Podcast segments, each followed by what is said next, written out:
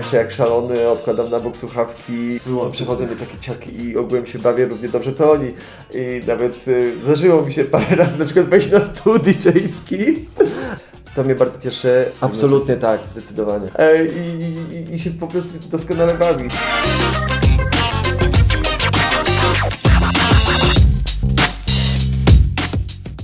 Dzisiaj się widzimy z Hubertem. E, znamy się do jakiegoś czasu. Hubert Grupa, dziennikarz muzyczny, e, DJ, e, człowiek renesansu tak naprawdę. Bardzo mi miło, Paweł.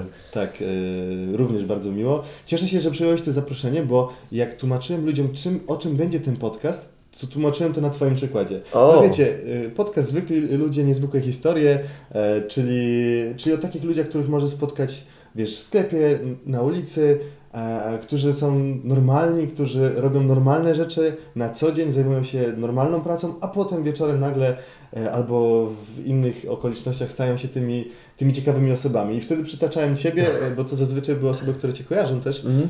e, z racji tego, tak jak mówię, że jesteś w różnych środowiskach, w Warszawie, w Poznaniu i tak dalej. E, Tym bardziej jest mi miło, że mogę Ciebie dzisiaj tutaj gościć. Mi również i e, bardzo jest e, dużą przyjemnością móc mówić e, o tych rzeczach, którymi się zajmuję, a nie tylko po prostu je robić.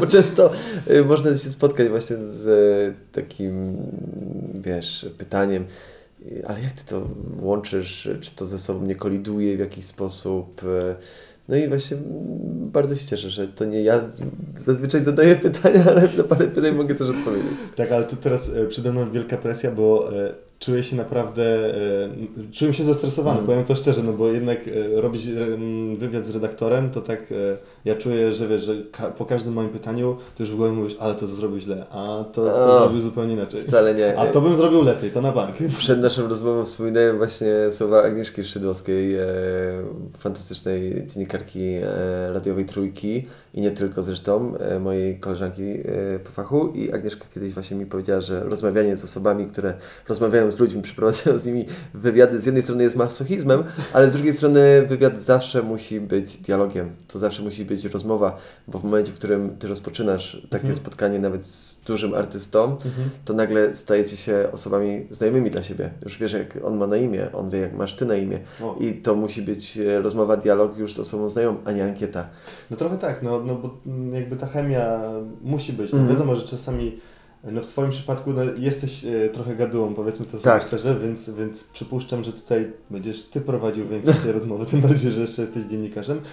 Jakby za- zajawka, rozmowa, Mhm. musi być też e, ta chęć po prostu Absolutnie. No i myślę, że przeprowadzając e, w przyszłości następne rozmowy z Twoimi kolejnymi gośćmi, okazję właśnie, żeby się z, nim, z tymi ludźmi poznać i w jakiś sposób e, zaprzyjaźnić, bo Mhm. jest to bardzo istotne, zwłaszcza też e, jeżeli e, masz spędzić, poświęcić trochę czasu tym osobom, a one Tobie. No to nie chcesz, żeby ten czas był zmarnowany i nieprzyjemny i, i chyba rzeczywiście w słowach Agnieszki jest sporo, sporo prawdy i Mhm. ja jako dziennikarz staram się zawsze jakiś e, taki dobry klimat, podłoże do rozmowy stworzyć. Nie zawsze się to udaje, Mhm. mm, bo to też zależy od nastawienia drugiej strony. Zdarzały się takie wywiady, które się nigdy nie ukazały, bo po prostu nie było czutej chemii, a w Mhm. związku z tym rozmowa mm, poszła w jakimś dziwnym kierunku Mhm. e, którego może nie chciałem ja i ta druga strona. E, No ale jeżeli rzeczywiście poznasz się z tym człowiekiem i zaczniesz z nim rozmawiać jak ze znajomym, to wszystko powinno być dobrze. Okej, to tym słowem wstępu dzięki serdeczne, trzymamy kciuki, no i może zacznijmy od, e, od początku. To słuchaj, Hubercie, Mhm. e, jak się do Ciebie zwracać? Słuchaj, no Hubert, Hubert. znamy się, Hubert. Kurde, trochę czasu już. Tak, no trochę tak, ale jest Hubert, Hubcio, celebryta, poznański celebryta. Są różne określenia na Ciebie, tak słyszałem. Bardzo mi miło, chłopcie jednak jest zarezerwowane dla moich babci. One Okej, się tak okej. zwracają do mnie, tak? Więc raczej no ten Hubert rzeczywiście. Hubert jest okej. Mhm. Dobra, e, wiesz co, zrobiłem sobie taką oś czasu, bo może dla wszystkich, żeby mm, przedstawić, to Hubert jest redaktorem, Mhm. e, jest też DJ-em i będziemy rozmawiać o zajawce samej w sobie, bo tego dotyczy też ten podcast, czyli, Mhm. e, czyli dlaczego w ogóle zacząłeś to robić i co sprawia, że chcesz to robić dalej, jakby wiesz o czym mówię. Mhm. E, No dobrze, to jeżeli miałbym zacząć od e, samego początku, to wydaje mi się, że w czasach już chyba liceum Sporo czasu poświęcałem e, z jednej strony na muzykę, a z Mhm. drugiej strony na pisanie. Mm, Miałem to szczęście, że moja babcia przez ponad 50 lat prowadziła księgarnię. O, Zatem jako dziecko się nieco irytowałem, gdy zamiast kolejnego zestawu lo- klocków Lego otrzymywałem książkę. E, Z czasem jednak weszło mi to bardzo mocno w nawyk i byłem, jestem do dzisiaj bardzo babci wdzięczny i rzeczywiście mnie nauczyła takiej kultury czytania, później pisania. E, czyli też piszesz. tak, tak, bo jednak e, jeżeli patrząc na moje dziennikarstwo, Mhm. gdzie z jednej strony uprawiam je w formie audycji radiowej, Mhm. z drugiej jako redaktor, to zdecydowanie bliższe jest mi słowo pisane. Mm, O wiele bardziej wolę pisać recenzje, Mhm. relacje, e, różne artykuły w rozmaitej formie, niż e, mówić do mikrofonu. Mm, Może to też wynika z tego, że słowo pisane jest e, bardzo plastyczne i pozwala na błędy, w sensie, że mogę coś cofnąć, edytować. E, No, radio niekoniecznie, a Mhm. też miałem przez wiele lat e, spory problem e, z własnym głosem. Jako dziecko się potwornie jąkałem i To chyba musiałem... każdy. Tak, i musiałem z tym bardzo mocno walczyć, e, ale właśnie w liceum jak gdyby nabrałem takiej pew- pewności siebie. Pierwsze teksty publikowałem w jakichś licealnych e, gazetkach, e, no i to też się zbiegło z tym, że bardzo intensywnie zacząłem słuchać muzyki, ale w taki świadomy sposób. Już zacząłem jej szukać, wiedziałem mniej więcej co mi się podoba, a co nie. No i w momencie, kiedy przyszło mi wybierać kierunek studiów, zdecydowałem się na dziennikarstwo. A tam już jak gdyby to wszystko nabrało mm, własnego tempa, poznałem osoby, które w podobny sposób jak ja odczuwają muzykę i chcą się tym odczuwaniem dzielić z innymi. Pojawiły się pierwsze próby, pierwsze studenckie redakcje, no i w zasadzie w momencie, w którym poznałem Przemka Budnika i Monikę Ziobro, z którymi następnie przez kilka lat tworzyłem redakcję najpierw New Anthem, potem Brand New Anthem, to było takie, myślę, że decydujące w moim przypadku, jeżeli chodzi o wybór takiej drogi zawodowo-życiowej, ale z drugiej strony też opierającej się przede wszystkim na, na pasji, na wspólnej zajawce. Okej, no mm, pasja, zajawka to powstało w pewnym momencie, Mhm. ale powiedziałeś o świadomym sposobie słuchania. Mhm. No jakbyś mógł to nam trochę przybliżyć, no bo czym jest y, według Ciebie, dla Mhm. Ciebie oczywiście, świadome słuchanie muzyki? Okej, no Jak myślę, się może tego Mhm. nauczyć, bo to też jest istotne. Myślę, że mm, to świadome słuchanie muzyki bardziej e, dotyczy tego, że słuchasz danego utworu i chcesz się czegoś dowiedzieć więcej. e, Jaki jest to gatunek, kto go stworzył em, i kim jest ten artysta, w jakiej wytwórni wydaje. Potrzebujesz, chcesz poznać cały ten background stojący za e, numerem, za muzyką, e, której słuchasz. I to mnie bardzo zainteresowało. Miałem to szczęście też, że w liceum razem z paczką znajomych byliśmy ogromnymi fanami e, serwisu Last.fm, Okej. przez które e, taki w zasadzie pierwszy, może nie streamingowy, ale pierwszy em, serwis, którego algorytm pod, podpowiadał e, kolejne zespoły na podstawie tego, czego już dotąd przesłuchaliśmy. Tak. I to y, działa do dzisiaj, może nie na taką skalę wobec obecności Spotify, i tak dalej, Mhm. i tak dalej, ale swego czasu Last.fm był naprawdę bardzo prężnie działającym narzędziem i z zamiłowaniem poznawaliśmy każdego tygodnia w zasadzie dziesiątki zespołów, o których nie mieliśmy zielonego pojęcia, których nie sposób było usłyszeć e, w polskim radiu, w telewizji, e, czy też w internecie. E, Poznawaliśmy je, staraliśmy się znaleźć gdziekolwiek jakieś miejsce w sieci, gdzie można posłuchać tę muzykę, pobrać ją, dowiedzieć się czego o tych artystach. No i to był chyba taki bardzo ważny moment, gdzie zacząłem właśnie bardzo mocno mm, precyzować to, czego słucham na podstawie właśnie nazw. Że konkretny artysta, producent, wytwórnia, gatunek, było mi to w jakiś sposób potrzebne, dla wielu osób jest to totalnie zbędne. Mhm. E, Nie trzeba dopisywać e, całej ideologii do muzyki, której się słucha. Ale ja tego bardzo chciałem, potrzebowałem i gdzieś tam poznałem przez to bardzo dużo ze- zespołów, których fanem jestem do dziś. Bo mówisz, że to wynikło z pewnej potrzeby, żeby Mhm. znać to, żeby właśnie się zagłębić. Czy uważasz, że dużo ludzi teraz ma taką potrzebę w ogóle z muzyką? Tak, myślę, że tak i przez to troszeczkę e, zawód, jakim jest dziennikarz muzyczny, e, traci sens. Mhm. E, czasami, kiedy ktoś mnie zapyta, co robię w życiu, to mówię, że uprawiam najmniej potrzebny zawód świata. E, dlaczego? Dlatego, że w dobie właśnie serwisów streamingowych, Mhm. internetu i z, tego wszystkiego, co zupełnie zmieniło mm, sposób, w jaki konsumujemy muzykę, to mm, nie potrzebujemy już na przykład czytać recenzji, bo na Spotify pojawia się płyta w dniu premiery. Tak. Nie musimy czekać, aż ona się pojawi w sklepie, czyli przesłuchujemy i od razu sobie wyrabiamy zdanie. Nie musimy czekając na na przykład zakup płyty, przeczytać recenzji i tak dalej. To jest to straszny anachronizm, ale co jest z jednej strony smutne, z drugiej nie. E, no i dzisiaj myślę, że słuchacze są o wiele bardziej świadomi niż byli kiedyś. To jest też zasługa internetu. I sami są w stanie określić, co im się podoba, a co nie i nie muszą mieć e, nad sobą jakichś autorytetów, e, żeby wydać osąd, opinię tego typu rzeczy. No bo kiedyś to chyba było bardziej popularne, bo tak Mhm. patrzę też po sobie i po swoich rówieśnikach. No jakby e, właśnie tak jak mówisz, ten, no oczywiście nie ubliżając Mhm. tego coś, ale bardzo mało osób, tak mi się wydaje, Mhm. e, jakby no właśnie słucha takich dziennikarzy muzycznych przede Mhm. wszystkim. Audycje już prędzej. Tak, natomiast e, e, radia, no nie wiem, słuchasz radia na co dzień? jeszcze tak. Jeszcze tak, no ale z racji tego, że jesteś jakby w tym zawodzie, Mhm. ale no nie wiem, jakbyś zrobił sobie taką sondę, już nawet y, nie mówię w jakich tam e, Mhm. grupach wiekowych, ale tak po prostu twoich znajomych, Mhm. to raczej wydaje mi się, że ten Tidal, Spotify Absolutnie. wygrywa. Absolutnie. Myślę, że w ogóle dziennikarstwo muzyczne e, w Polsce, czy to w innych miejscach na świecie, troszeczkę przegrało swój czas i e, jak gdyby ominęła je szansa, żeby gdyby pozostać cały czas gdzieś tam e, u szczytu. Z tego też względu, że dziennikarze muzyczni, co mówię z pełną świadomością, e, no popadają w pewną megalomanię, w sensie, że są tak mm, bardzo przekonani o tym, że to, czego słuchają, jest super, Mhm. mm, że tylko swój głos uznają za wyznacznik A. tego, co jest dobre. Inny problem jest taki, że jeszcze parę ładnych lat temu e, widziałem taki trend, żeby krytykować wszystko, co nowe. Absolutnie, że ostatnia dobra płyta rockowa to pojawiła się w latach 80., potem to już nie było niczego. Kiedyś to było, dziś już nie ma. Okej. E, I to jest straszna zmora i tak naprawdę z dziennikarzy, którzy są ode mnie starsi 20, 30, 40 lat, naprawdę niewielu jest w Polsce dziennikarzy, którzy są absolutnie na czasie. Oni co tydzień poznają nowe płyty, piszą o nich, są na bieżąco, potrafią e, jak gdyby odnaleźć się tu i teraz, Mhm. a nie tylko porównywać tę płytę do Pink Floyd, do Led Zeppelin y, i tak dalej, i tak dalej. To jest straszne i bardzo mnie to y, swego czasu zaczęło irytować. Y, Moi koledzy dosadnie to określali w słowach, Okej. a jako banda leśnych dziadków i tego typu rzeczy.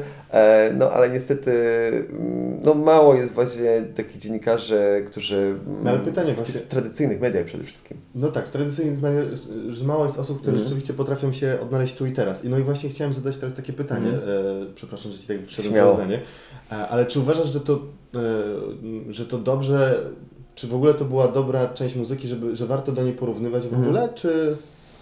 To była inna część, moim zdaniem. część Mm, tak naprawdę moim zdaniem nie ma czegoś takiego jak e, dobry i zły okres Mhm. w historii muzyki. Każdy okres jest inny, Mhm. każdy cechuje zupełnie coś innego i no, można oczywiście dzielić muzykę na dobrą i złą, ale na pewno nie ze względu na czas, w jakim się pojawiła. Mhm. E, A to, że dzisiaj mamy zupełnie inną e, muzykę, inny sposób jej konsumpcji i też nagrywania Mhm. oraz promowania przez artystów, e, no to nie może to być moim zdaniem porównywane właśnie z tym, co było, co było kiedyś. I porównywać współczesne zespoły właśnie do tych, których no choćby wspomniałem, Mhm. no wydaje mi się naprawdę czymś e, trochę niewłaściwym, sprzecznym. Okej, no to to jest chyba, e, to mi teraz przyszło tak na myśl, ostatnio rozmawialiśmy sobie ze znajomymi, że Mhm. to jest tak, że ktoś mówi, no masz dobry gust. Okej. Ale to mówi wtedy, kiedy ten gust się e, Pokrywa? pokrywa z twoim Mhm, własnym. Jakby. okej. To jest tak samo tą muzyką. Z, taką, z takim ocenianiem wyrywkowym przez te osoby, że no bo to im się podoba Mhm. i do tego po prostu wszystkie, wszystko porównują. Okej, myślę, że możesz mieć rację, absolutnie i rzeczywiście sporo osób w ten sposób może twierdzić. Pytanie, czy jest jakiś sposób oceniania gustu? No, No pewnie no, jest. Gdyby ktoś słuchał wyłącznie, nie wiem, disco polo i mainstreamowego popu, Mhm. takiego z najgorszego sortu, Mhm. e, to nie powiedzielibyśmy o nim, że ma dobry gust. E, Nie wiem, moim zdaniem dobry gust to przede wszystkim taki Disco gust, polo. który, który jest inny, wiesz, wyróżnia się i... disco polo, no jest inne. Tak, ale są to, wiesz, nie chciałbym tutaj e, mówić i chyba nigdy nie powiedziałem do kogoś, e, że ma dobry gust. Mhm. Gust może być taki lub owaki, nie wiem, czy może Mhm. być lepszy lub gorszy, ale jeżeli ktoś rzeczywiście spędza czas na poszukiwaniu mu- muzyki, eksplorowaniu jakichś e, odległych gatunków e, i, i tym podobnych, no Mhm. to może rzeczywiście jego gust być zupełnie inny, lepszy, chociaż jak powiedziałem, tego nie kategoryzujemy, e, od innych. Nie? I, już do woreczków wrzucamy. A jak? Dobra, słuchaj, e, jeżeli chodzi właśnie, e, dużo, dużo teraz padło słów dotyczących muzyki, e, różnych właśnie stylu ich określania, natomiast no muzykę, jeżeli zajawkę możemy podzielić tak naprawdę na, na, na kilka części, na konsumowanie jej, Mhm. e, na tworzenie tej muzyki, Mhm. e, no i też na też no, tak, to, co ty robisz, e, recenzjo, e, Mhm. recenzowanie tej muzyki. Mhm. I co się okazuje, e, właśnie nie wiem, czy wszyscy wiedzą, czy nie, no ale jesteś też taką, taką osobą, która bardzo mnie interesuje, ponieważ na co dzień pracujesz sobie właśnie w redakcji, wcześniej Mhm. pracowałeś e, też w marketingu, mocno się gdzieś tam w Tak. tych te, tematach poruszasz, a nagle, wiesz, taki człowiek jak ja, czy ty, spotykasz e, na przykład takiego Huberta w Biedronce, no i nie wiesz, że, że wieczorem na przykład on Tak. ma booking e, w, w Sopocie, ma, ma e, za tydzień na przykład jest jeszcze w Katowicach, a, a ogólnie codziennie jest rezydentem e, poznańskiego house szkolne. Mhm. I jakby to jest ciekawe w tym wszystkim, jakby wiesz, jesteś, no można powiedzieć, tak to się mówi, ta dziewczyna z sąsiedztwa, to taki chłopak z sąsiedztwa, Okej. tak, którego możesz spotkać zawsze, Mhm. wszędzie, który zawsze się uśmiecha, Mhm. przybije piątkę, chyba każdy może Ci tak powiedzieć, kto, kto Cię zna. E, I nagle, nagle robisz to, to wieczorem, jakby to jest takie podwójne życie, jak Ty to odczuwasz? O, o, dobre, to jest bardzo dobre i ciekawe określenie. E, myślę, że trochę tak, że na pewno jest to w jakiś sposób e, podwójne życie, które najczęściej się udaje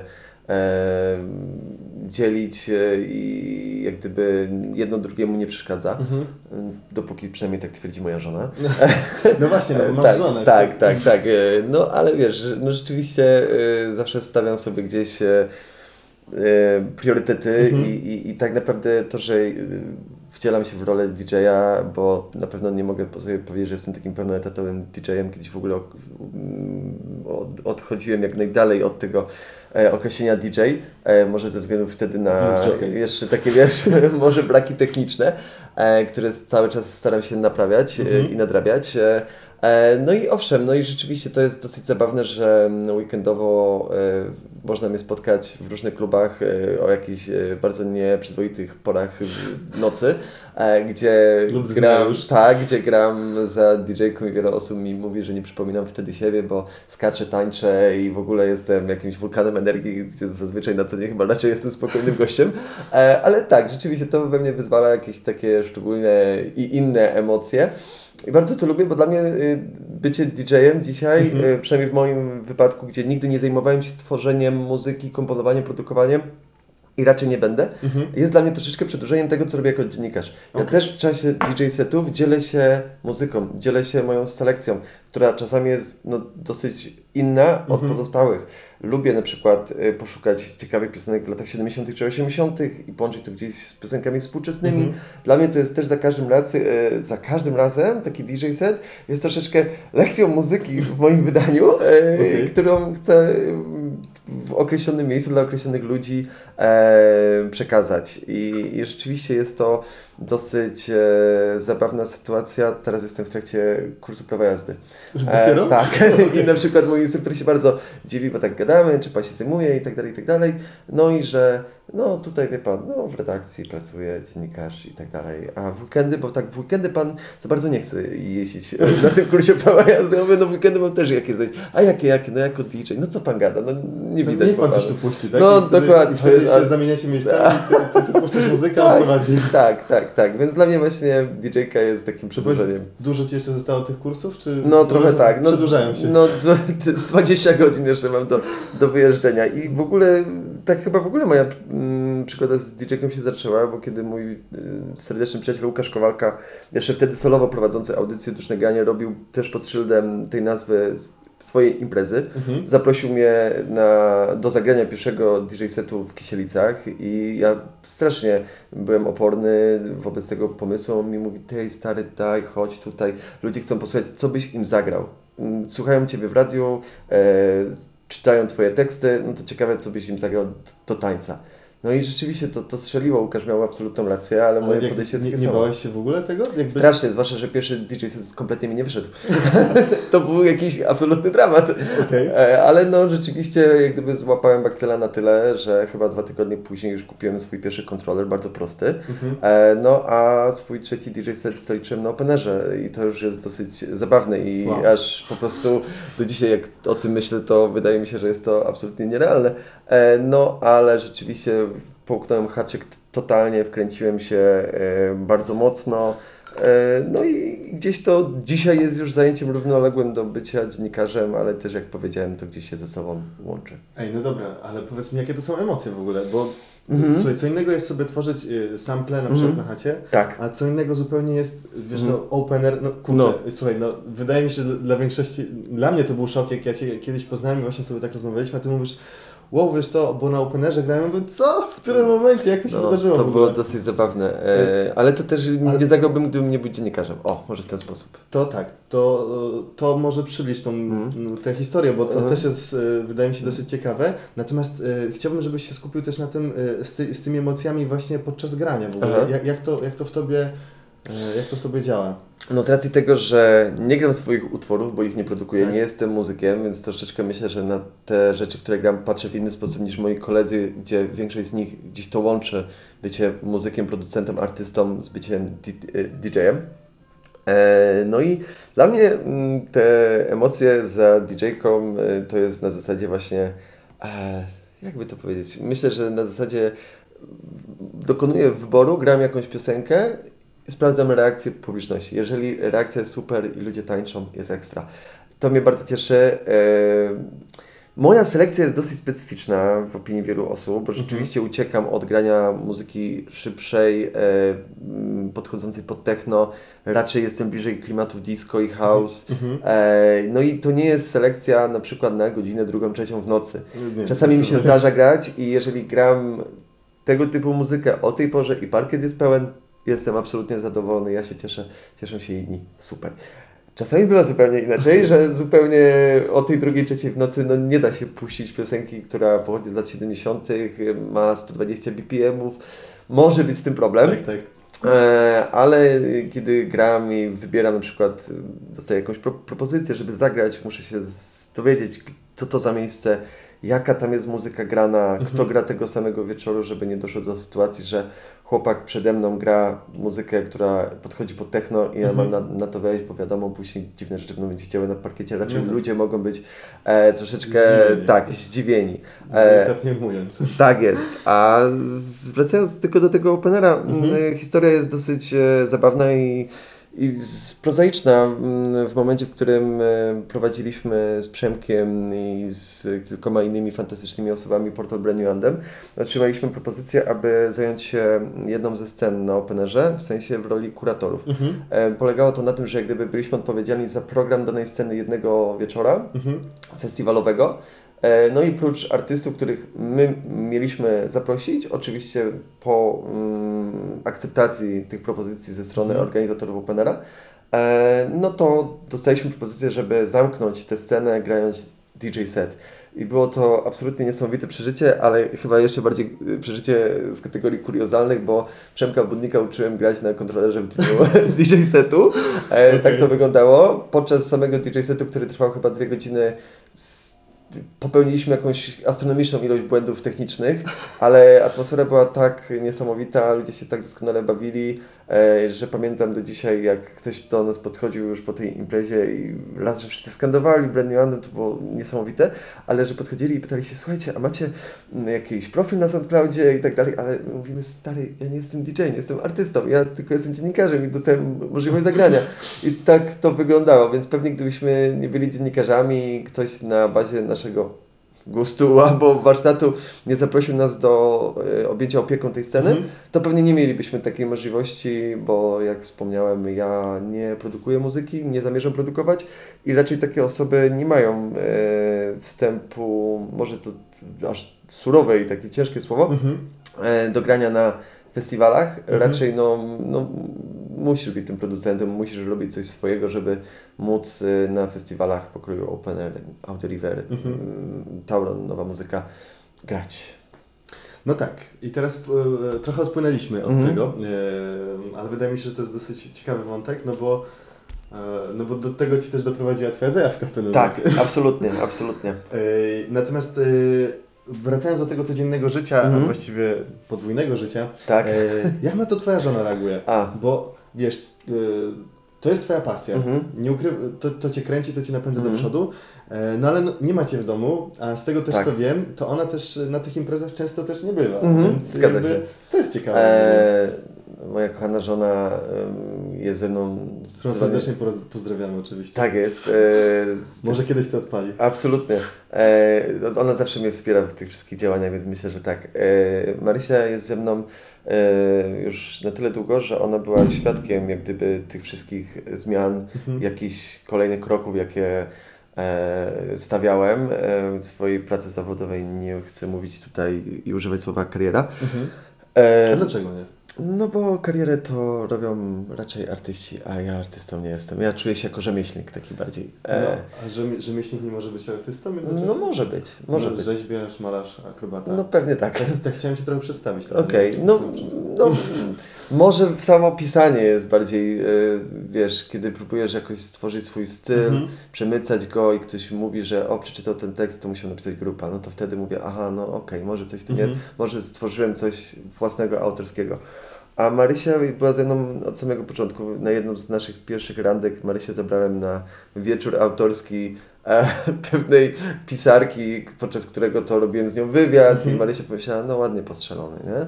E, no ale później Marysia była ze mną za każdym razem, kiedy mm, zaczynałem jakąś nową przygodę związaną z dziennikarstwem. Mhm. Była też ze mną w momencie, w którym grałem mój pierwszy DJ set i każdy w sumie kolejny na początku tej zajawki DJ-skiej y, i ona bardzo mnie w tym wspiera, Mhm. wie dokładnie o co chodzi, bo zna to środowisko, zna środowisko mojej pracy i ludzi, z którymi współ, współpracuję czy się spotykam. Nie chodzi na imprezy zbyt często, bo po pierwsze jest nie należy do e, nocnych marków i Mhm. jednak ceni sobie po prostu dobry sen niż dobrą imprezę. E, A z drugiej strony to też nie do końca bywa jej e, po prostu muzyka. Mhm. W domu lubi, kiedy puszczę muzykę i to różną, czy to muzykę, którą planuję zagrać w audycji, czy to podczas DJ setu. Bardzo dużo rozmawiamy na temat muzyki, bo Marysia ma bardzo ciekawy często punkt widzenia, a raczej Mhm. słyszenia, kompletnie inny niż ja, e, co jest zawsze dla mnie ogromną wartością. E, No ale Marysia to akceptuje, aczkolwiek nigdy nie starałem się, żeby to e, narzuciło e, jakieś zasady mogące ograniczać mnie Mhm. względem mm, naszego związku, bycia w domu, w mieszkaniu. Miewam takie okresy w ciągu roku, gdzie na przykład e, więcej czasu poświęcamy dla siebie. Tak było na przykład przed e, naszym ślubem, gdzie Mhm. zrezygnowałem z grania Mhm. na dłuższy czas, żeby po prostu się dobrze mm, przygotować Mhm. e, i żeby nie było właśnie e, sytuacji, że tu mam booking, muszę być na drugi dzień wyspany, a jest do zrobienia to i tamto. I, Jasne. i Marysia tutaj jest pierwszym kibicem, pierwszym krytykiem, ale też pierwszym e, takim suflerem, bo Okej. Na przykład, kiedy prowadziłem moje pierwsze audycje, to Marysia pisała mi e, na telefonie mów głośniej, mów szybciej, nie mrucz tyle. to jest bardzo Okej. przydatne. Okej, czyli taki, e, taki skrzydłowy. Absolutnie tak, zdecydowanie. Super. E, wiesz co, tak myślałem sobie troszkę nad, e, e, nad tym, czy kim byś był, gdyby nie ta zajawka, czy w ogóle, O kurde. wiesz, wiesz o co mi chodzi, Mhm. no bo jakby jesteś ciekawym przykładem osoby, która e, pomimo tego, że właśnie Mhm. robiła też inne rzeczy, jednak ta zajawka na tyle Cię ciągnęła do tego, żeby to robić, że teraz jest to też Twoim, e, twoim też sposobem na zarabianie. Mhm, tak. E, I co by się wydarzyło, gdybyś nie poszedł tą drogą? Mhm. Jakbyś, nie wiem, w pewnym momencie powiedział odpuszczam, albo, albo czy w ogóle... No właśnie, podziel się z tym. To jest bardzo newralgiczna branża Mhm. i kiedyś, e, nawet jeszcze całkiem niedawno, kiedy jak gdyby szala moich zawodowych zobowiązań była bardziej po stronie PR-u, marketingu i Mhm. wszystkich rzeczy związanych z komunikacją, Mhm. niż po stronie muzyki, to mówiłem sobie, że nigdy nie pozwolę sobie e, na to, żeby uzależnić swoje życie zawodowe, swoje dochody tylko i wyłącznie od muzyki. Mhm. To jest rynek e, i branża bardzo niewdzięczna momentami, zmienna, kapryśna i wymagająca naprawdę dużo, dużo wysiłku, żeby móc żyć tylko pracując w jej obrębie. Zawsze miałem ten wentyl bezpieczeństwa w postaci PR, marketingu. Tak zresztą jest do dziś, tylko że ta szala no właśnie przychyliła się teraz zde- zdecydowanie na korzyść muzyki i kiedy zostałem kiedyś zapytany, co chciałbym w życiu robić, to powiedziałem takie zdanie, chciałbym się utrzymywać z pisania. Że Hmm. to mi wychodzi, to lubię robić najbardziej i Okej. chciałbym zarabiać na życie pisaniem. I tak było przez długi czas, tak jest do dzisiaj i myślę, że już chyba będzie, oby tak było zawsze. Mhm. E, Do tego doszły jakieś takie rzeczy typu właśnie audycje radiowe, typu w ogóle współpraca w obrębie branży z różnymi podmiotami czy to artystami. No i ta DJ-ka, którą cały czas jednak traktuję w kategoriach e, hobby, które akurat też czasami przynosi e, korzyści majątkowe. E, no Czasami. i tak. I, Rzadko, bo rzadko, ale czasami. no pewnie gdybym się bardziej na tym skoncentrował, to mógłbym jakoś sobie te pieniądze wliczyć w taki, wiesz, budżet miesięczny, a to jest raczej miły dodatek, y, za który mogę sobie kupić coś, czego nie planowałem, pójść na fajną kolację z żoną, y, czy coś w tym y, stylu. I prawdę mówiąc, na początku swojej przygody z dziennikarstwem, kiedy pieni- tych, tych pieniędzy z tego dziennikarstwa nie było, to była Mhm. czysta zajawka. Mm, e, I tych pieniędzy nie było przez ładnych kilka lat, bo jak gdyby startowaliśmy z redakcją od zera, nikt nas zupełnie nie znał, e, nikt tak naprawdę nie wiedział, kim my jesteśmy, skąd my się wzięliśmy i, i czy można nam w ogóle ufać i czy warto zgadzać się e, z naszym zdaniem. To rzeczywiście wtedy bardzo mocno skon- skoncentrowałem się na PR-ze. E, pracowałem zresztą przez ładnych kilka lat w agencji monitoringu mediów jako PR-owiec. E, Teraz cały czas też wykonuję podobne e, czynności, współpracując z jedną tutaj z poznańskich agencji PR-owych. E, no, ale na szczęście odpukać, nigdy nie musiałem się zastanawiać, co bym robił w życiu, gdybym się nie zajmował tym, czym się zajmuję. Podejrzewam, że raczej byłoby to coś z, związanego ze słowem pisanym. Okej. Tak, tak, tak. Czyli pisałbyś instrukcję obsługi. Może, Do może byłbym, tak, może byłbym copywriterem takim fulletatowym, e, bo gdzieś e, mocno e, to swego czasu uprawiałem. Sprawiało mi to no, sporą radość, bo poznawałem kompletnie różne branże i, i, i tak naprawdę mm, zjawiska. A jednak no, chyba udało mi się jakoś zachować takie lekkie pióro nie tylko w temacie muzyki, ale też w takich temacie, z którymi się muszę zmierzyć, mając na przykład zlecenie napisania tekstu produktowego, załóżmy. Okej. Dobra. No. Y, To może teraz, y, y, teraz będzie taki krótki blok, czyli głupie pytania, mądre odpowiedzi. Dawaj. Dobra. Y, Czyli czy Europa Vox, Mhm.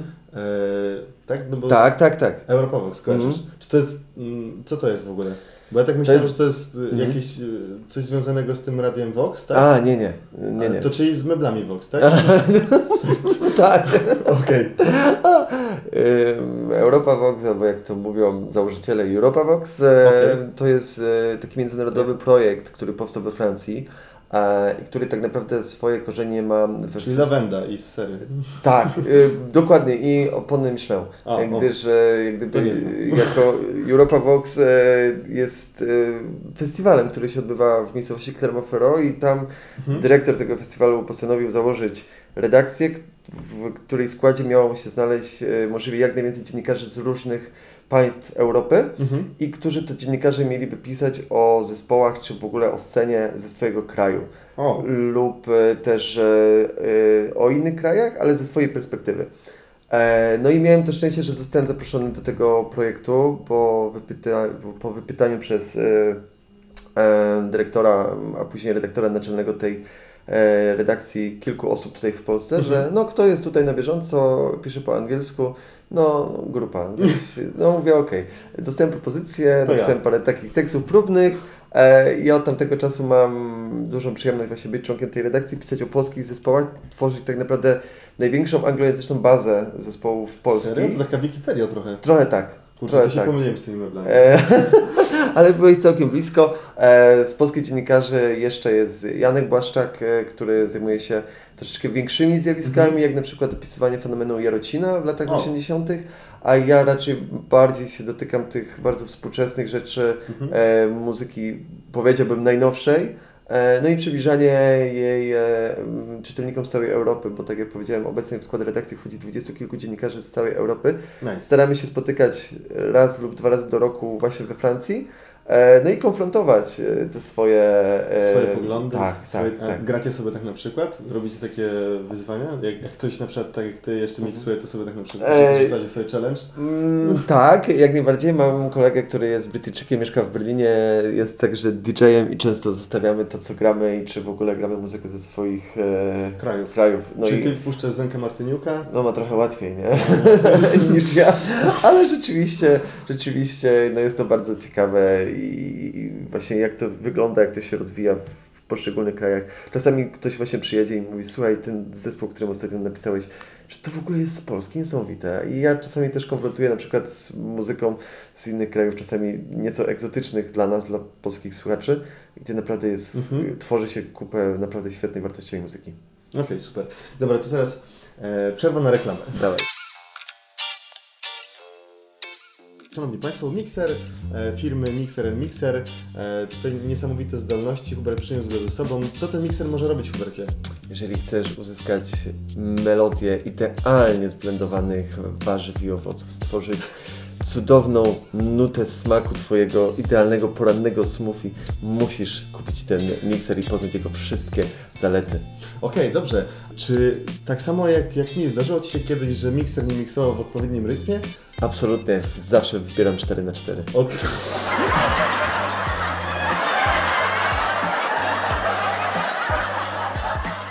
Nie, zobaczymy co z tego będzie. Tak. nie, e, Monika, coś, coś, coś, coś będzie Ja do tego dodać? Ale czy to będzie taki suchar, czy nie? Tak, to się jakoś podrasuje. Tak, tak.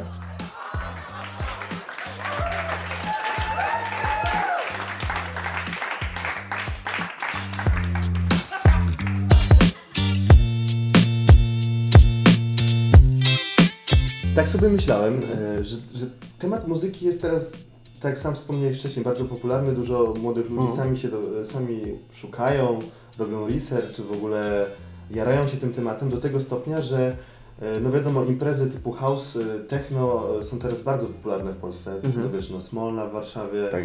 Jasna, e, tutaj w Poznaniu na Twoim rynku, że tak powiem, Mm. trzymasz pieczę nad house'em właśnie Tak. szkolną, jest jeszcze też lab, w którym też niejednokrotnie grałeś, mm, schron, no i oczywiście Tama. Tak. E, I jakby mnóstwo ludzi, którzy, którzy, których można tam spotkać, to są oczywiście bardzo ciekawe osoby, Mhm. e, ale też tak naprawdę z większością, z kim nie pogadasz trochę dłużej, to albo ktoś już próbował sobie coś y, stworzyć, Mhm, albo, tak. e, albo coś zmiksować, albo ma taki plan. E, skąd się to bierze w ogóle, powiedz mi, że, że ludzie teraz chcą próbować tej muzyki, testować y, na rynku polskim, nie wiem jak to wygląda Mhm. za granicą.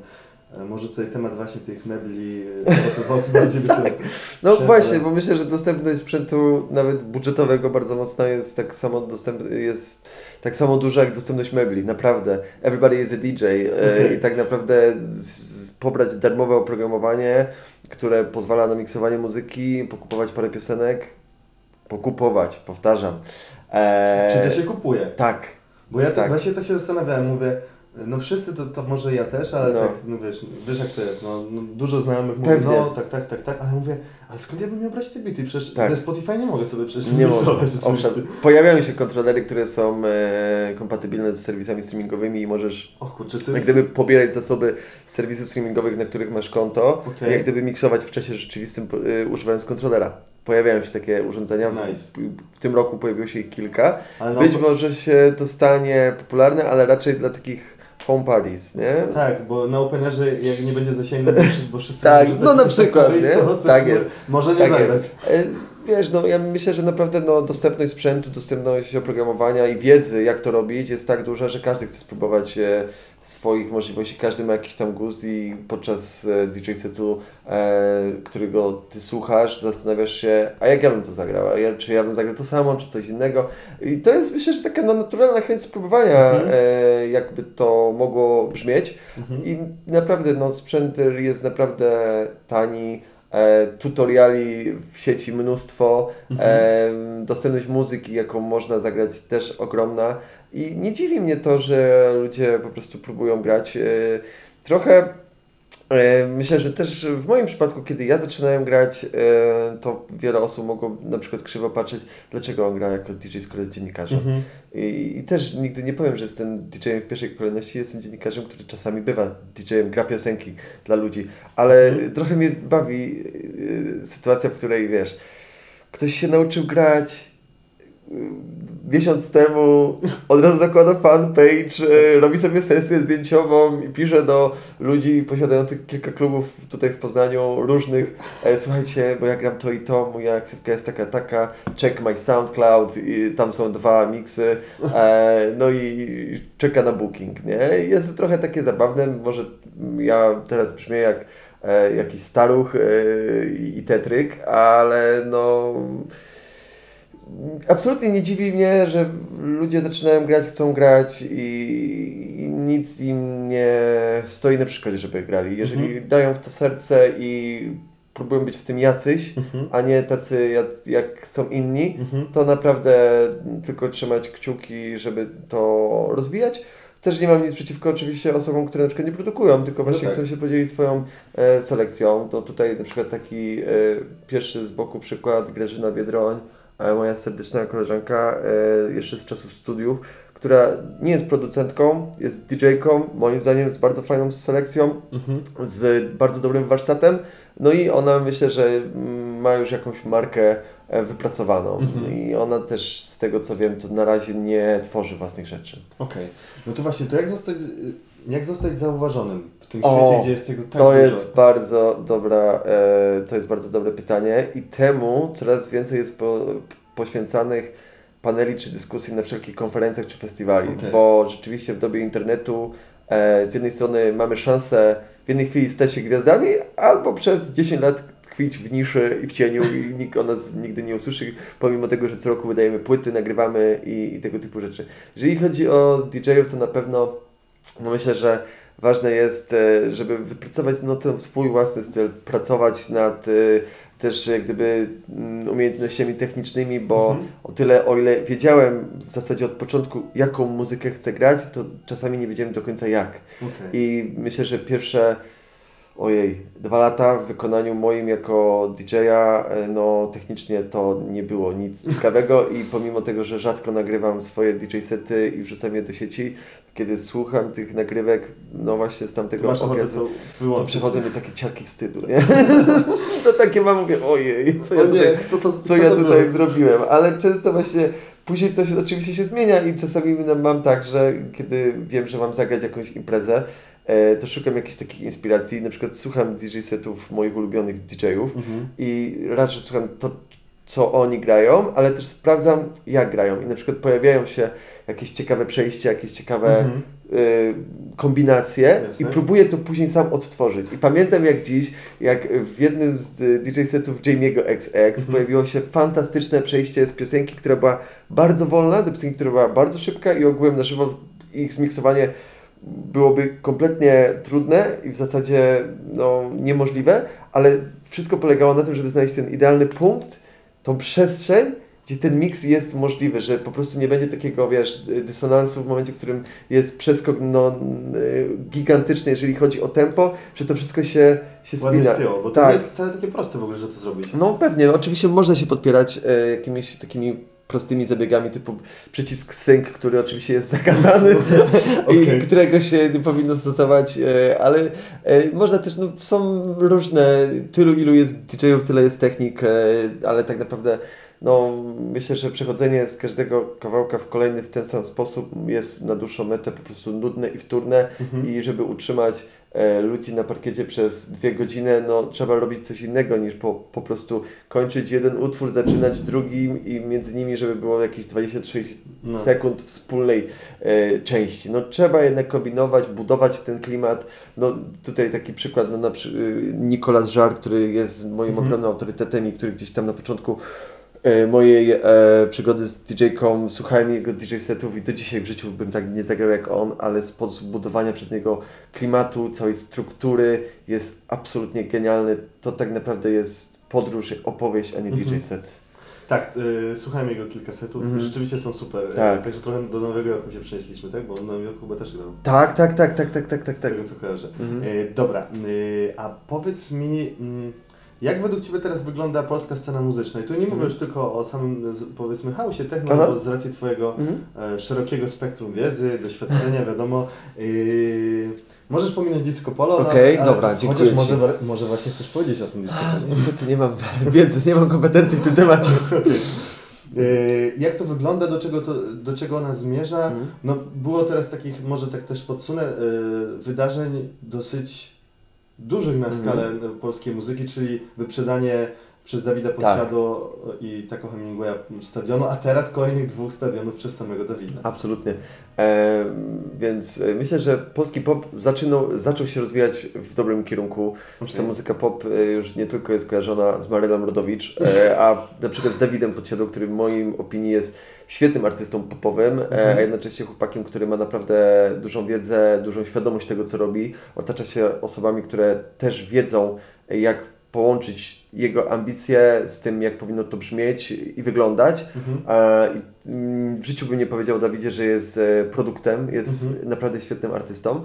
E, No i ten pop zaczyna wyglądać naprawdę super i naprawdę nie ma wstydu słuchać dziś polskiego popu. Mhm. No ale to się gdzieś oczywiście wiąże z tym, że na innych polach jest troszeczkę słabiej, moim Mhm. zdaniem, bo o tyle, o ile na przykład 8 lat temu, może nawet 10, ta polska moda alternatywa była w takim strasznie mm, intensywnym rozwoju. Pojawiało się mnóstwo fajnych zespołów, e, Mhm. które osiągają mniejszy lub większy sukces. To gdzieś ten trend, myślę, się zatrzymał. E, Skupiliśmy się tylko na kilku gatunkach. E, Nie słuchamy tego, co mm, pojawia się w niszach. Te nisze jak gdyby stały się takimi mm, równoległymi światami, które mm, żyją same dla siebie. Na przykład troszeczkę jak jest z obecnie z polskim jazzem, który jest coraz Mhm. lepszy. Pojawiają się bardzo ciekawe projekty, które są doceniane na świecie, jak na przykład IAPS, którzy są grani regularnie u Gilesa Petersona w BBC. No, ogromny, gigantyczny sukces Mhm. dla polskiego artysty, ale w Polsce są znani dla fanów jazzu albo alternatywy. Raczej mm, trudno o nich usłyszeć szerzej. Mm, No i właśnie ja na przykład taki mamy, no okej, jesteśmy w Poznaniu, odbywa się tutaj festiwal Spring Break, Mhm. czyli najważniejszy i największy pols y, polski showcase. I co roku z wielką chęcią słucham tych zespołów, o których nie mam zielonego pojęcia, albo które wydały tylko jedną piosenkę i chcę zobaczyć, co one zaprezentują na żywo. I Mhm. przyznam wprost, że takich zachwytów e, w ostatnich latach mam coraz mniej. W sensie, że albo wszyscy idą w podobnej stylistyce, albo po prostu e, no, no, powielają na jakiś schemat. E, Paradoksalnie w tym roku podobał mi się zespół Squid, który grał e, w schronie. Mhm. Dwóch chłopaków grało muzykę gitarową, e, dosyć ciężką, trochę postrokową, ale niesamowicie w pewien sposób romantyczną i totalnie pochłonął mi, mnie ich koncert i nie słyszałem takiej muzyki na polskiej scenie od lat.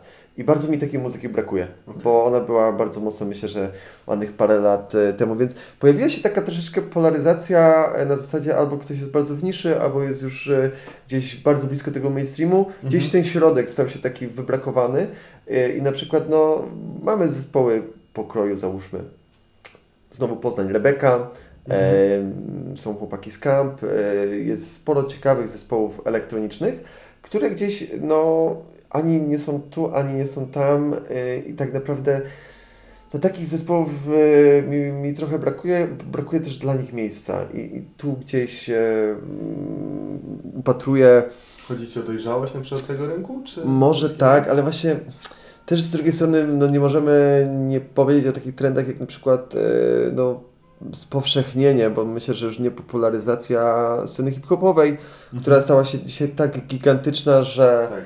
e, jest grana tak naprawdę, no hip-hop jest obecny już wszędzie, bo jest obecny w e, telewizji śniadaniowej, na festiwalu, na stadionie, ale też w remizie, nie? E, miałem parę tygodni temu to zaproszenie do telewizji śniadaniowej, żebym dał opinię na temat jednej piosenki hip-hopowej, która no właśnie jest bliższa klim- klimatem re remizowym niż takim naprawdę. I myślę, że to też no, zadziałało trochę. Słucham? Nie, nie, nie. Coś zdecydowanie gorszego. I e, odmówiłem i e, to właśnie też mnie troszeczkę boli, że e, słucham hip-hopu e, od lat, może mniej niż pozostałych gatunków, ale też coraz trudniej mi jest zna- znaleźć coś ciekawego. Ten Okej. e, hip-hop stał się już tak powszechny, już nie jest nowym punkiem, nie jest nowym rockiem, jest nowym popem. Mhm. E, jest osobnym bytem, który pochłania no, gigantyczną rzeszę słuchaczy i pieniędzy i cały w ogóle rynek. E, no i gdzieś znowu jest taki e, problem, że może się to odbywa kosztem innych gatunków, bo muzyka gitarowa w Polsce w moim mniemaniu obecnie to jest strasznym ma dołku, nie? I prócz takich zespołów jak na przykład nagrobki, które wydają co roku płytę i ta płyta, i te płyty są super, jak e, Błażej Król, który co prawda no, w swojej muzyce gitarowej miesza alternatywę pop e, z elektroniką. Mhm. E, No właśnie brakuje mi zespołów gitarowych, które rzeczywiście Czerwone gitar. mogły, o, współczesny czerwony gitar, albo chociażby kogoś na miarę much sprzed tych 10 lat. Okej. Powracając do tych emocji, y, jak wchodzisz za DJ. Aha. E, No myślę, że muszę to po, podzielić na takie trzy sytuacje. Mm, Jedna sytuacja jest taka, gdzie na przykład gram w klubie, gdzie gram regularnie, na przykład w house szkolna. Mhm. Wiem, co w tym klubie się dobrze przyjmuje i mogę sobie pozwolić też na jakieś eksperymenty, e, bo jestem trochę u siebie. E, No i- jesteś tak jest, tak? dokładnie. No i, i okej, wtedy no, bawię się tym, mam dużą jak gdyby łatwość, swobodę, nie stresuję się, jest super. Innym wypadkiem jest, kiedy gram w zupełnie nowym miejscu, o którym na przykład wiem sporo, tak jak na przykład było w Sphinx y, 700 w tym roku. Mhm. Ogromnie uznany klub, y, duża nobilitacja, żeby móc tam zagrać, ale kompletnie nie moje miasto. E, nasza nazwa jako kolektywu raczej jest anonimowa dla e, imprezowiczów z e, Wybrzeża. No i jest, jest stres, bo trzeba bardzo mocno uważać na to, co się gra, patrzeć na parkiet. Oczywiście grać to, co nam najbardziej pasuje i co nam sprawia przyjemność, ale jednak dostosowywać się trochę do tego, że widzimy, że no, jest przed nami jeszcze 5-6 godzin imprezy, no i musimy dawkować emocje, ale budować też tą atmosferę Mhm. i to na pewno się wiąże z y, dużym stresem y, i bardziej taką e, analizą tego, jak się gra i często moja żona y, mi zwraca uwagę na to, że kiedy widzi, że gram y, przed ludźmi w miejscu, gdzie gram po raz Mhm. pierwszy, to bardzo mocno się skupiam na tym wszystkim, co mam pod ręką, a nie patrzę na ludzi. I muszę tutaj, wiesz, analizować to wszystko. A trzecia sytuacja jest taka, jak na przykład e, było w tym roku e, na imprezie w Tam jest Cats and Dogs, czy na Mhm. imprezie w Projekt Love Spark Hygiene, kiedy tak naprawdę mnóstwo ludzi przyszło i oni wiedzą po co przyszli. I e, ja wtedy wiem, że to co gram to jest to, co lubią.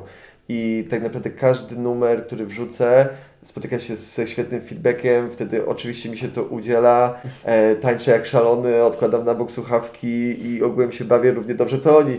I nawet e, zdarzyło mi się parę razy na przykład wejść na stół DJ-ski e, i, i, i się po prostu doskonale bawić. I, i, to jest chyba taki, taki stan, do którego chciałbym zawsze dążyć, grając Czyli zawsze te- chcesz skoczyć na stół. no nie, może niekoniecznie zawsze, ale po prostu się świetnie bawić, równie dobrze bawić jak ludzie, którzy przyszli na imprezę i właśnie tak było choćby e, z Park Jean e, teraz i właśnie w Tamie, gdzie tak naprawdę dominują zupełnie inne klimaty niż te, które ja zagrałem, a po samej imprezie usłyszałem bardzo dużo ciepłych słów na zasadzie kurde chłopaku, no ktoś grał disco i funk w Tamie i zobacz co się działo z ludźmi.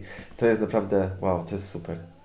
Super, to dzięki. E, I, i, idąc dalej e, za tą falą emocji, e, powiedz mi, co Cię tak naprawdę najbardziej wkurza, jeżeli chodzi o kwestię e, tej swojej zajawki, Mhm. a co sprawia, że, bo to jest, e, każda zajawka to jest taka trochę Jasne. miłość e, obopólna, tak tro, trochę, Mhm. trochę nienawiści, trochę jednak takiej Mhm. pasji i, e, i takiego rozgrzania, że tak powiem, Mhm. do czerwoności tego ognia.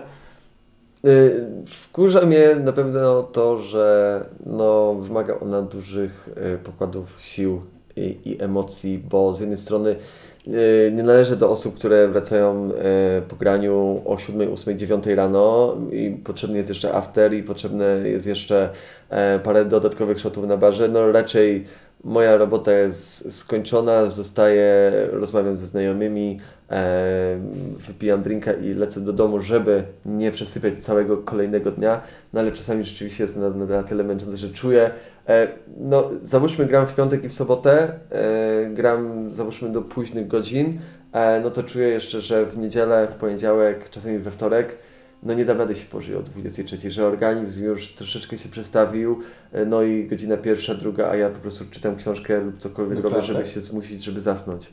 I wtedy no trochę nie potrzebuję może dużo snu, Mhm. ale potrzebuję rzeczywiście jakoś się zmęczyć i przestawić, żeby móc zasnąć e, po prostu i, i, i spać dobrze. I to jest na pewno e, coś, co mnie wkurza i co jest jakąś ceną Mhm. e, tej e, zajawki. E, o innych rzeczach chyba, no nie wiem, czy mogę powiedzieć, czy, czy coś mnie wkurza. Na pewno wkurza mnie, mm, o, co mnie wkurza, czasami zachowanie ludzi, którzy do końca nie wiedzą, po co przyszli e, na imprezę i czasami obserwowanie ludzi z perspektywy DJ-ki jest rzeczą straszną, zwłaszcza nad ranem. Ale masz na myśli zniszczenie ludzi? czy- Zniszczenie ludzi, ale na przykład sytuacja, która mi się wydarzyła parę tygodni temu. Grałem w jednym z klubów, nie chcę mówić tutaj nazwy, ale zauważyłem sytuację gdzieś koło w pół do czwartej, Mhm. gdzie dziewczyna, która tańczyła pod DJ-ką, no walczy z e, facetem, który po prostu ją obopuje. E, No i sytuacja wyglądała w ten sposób, że dziewczyna raz go odtrąciła, e, facet się wycofał, e, po czym wrócił, zaczął ją obłapywać drugi raz, dziewczyna się e, odwróciła w jego stronę, zaczęła mu tłumaczyć, że nie chce tego, Mhm. E, No ale facet cały czas stał. No i prawdę mówiąc, miałem już ochotę po prostu przerwać granie i, i po prostu zareagować, Mhm. ale w tej samej chwili pojawił się inny chłopak, który po prostu odrzucił tamtego gościa, kazał mu stąd wyjść i Mhm. tak dalej, i tak dalej. I to jest taki problem, o którym się mówi coraz więcej, Tak. ale ten problem cały czas występuje i tak naprawdę ogromna praca jest do wykonania po stronie uczestników imprez, żeby zaczęli zwracać uwagę na osoby, które się bawią obok i żeby reagowali Mhm. mm, obsługa klubów, y, która co prawda jest coraz lepsza i, i coraz większy poziom bezpieczeństwa, ale no ta reakcja musi być szybsza i ci ludzie muszą mieć oczy dookoła głowy. E, no i przede wszystkim radykalnie postępować z takimi osobami, które dopuszczają się takich zachowań, po prostu wyrzucać je z lokali. Teraz po poznańskiej integracji klubowej pojawił się wniosek, żeby stworzyć listę osób, które nie mają wstępu do poznańskich klubów, e, ponieważ często są to te same osoby.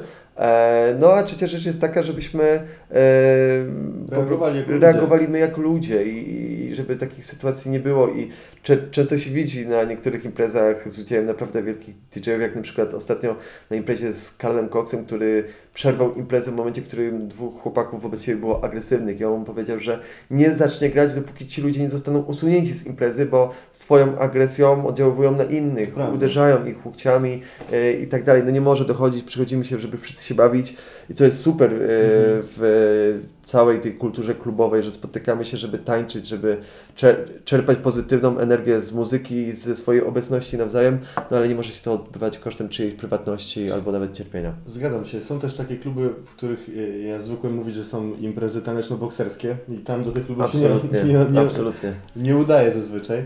Natomiast yy, też mam tak jak Ty właśnie, że, że czasami mam wrażenie, że na imprezach są ludzie, którzy nie są z tego e, takiego Mhm. klimatu typu właśnie e, wiesz, szacunek, e, fajna zabawa Mhm. i, i po prostu poznawanie nowych ludzi, tylko raczej właśnie tak mówisz, przyjdą, gdzieś tam chcą trochę podziałać Tak. I, i pytanie właśnie, e, czy, czy, czy, czy to tak mocno aż też oddziałuje też e, na DJ-a z tego co Bardzo. no bo Przestałem myślałem, grać w takich klubach. Okej, Y, Jest parę klubów, w których już nie gram okej. i bardzo mocno to jest dla mnie ważne, Mhm. żeby wiedzieć, y, jacy ludzie przychodzą do klubu i jakie zasady w tym klubie panują. Jest parę miejsc, czy to w Poznaniu, czy to w innych miastach, Mhm. gdzie już wiem, że nie zagram. Że zagrałem swoje, ale atmosfera w klubie była taka, a nie inna i e, niewiele to miało wspólnego z dobrą zabawą przy muzyce. Okej. E, I, i, I nie chcę tego tutaj oczywiście wymieniać nazw, e, bo wierzę, że Wiadomo. każdy może e, się zmienić i może te kluby za chwilę zmienią Czyli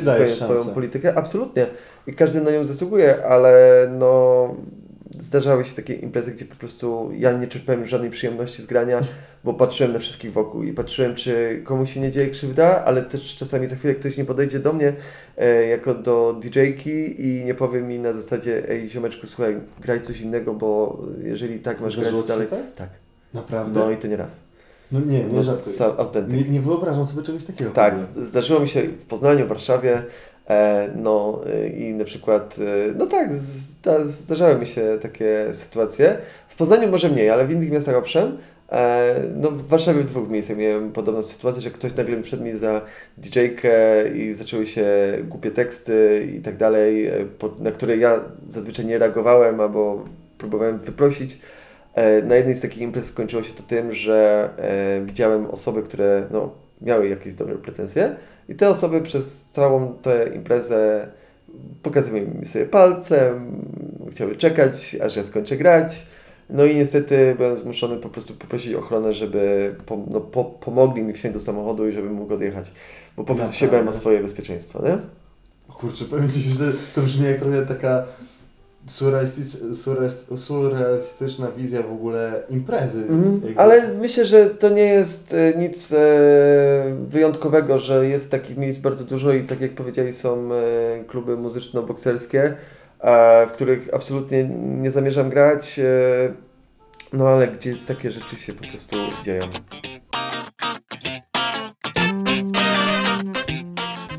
Hubert, bardzo dziękuję. To był podcast z Hubertem Grupą. E, A Państwa bardzo serdecznie zapraszam do słuchania kolejnych odcinków Zwykli ludzie, niezwykłe historie.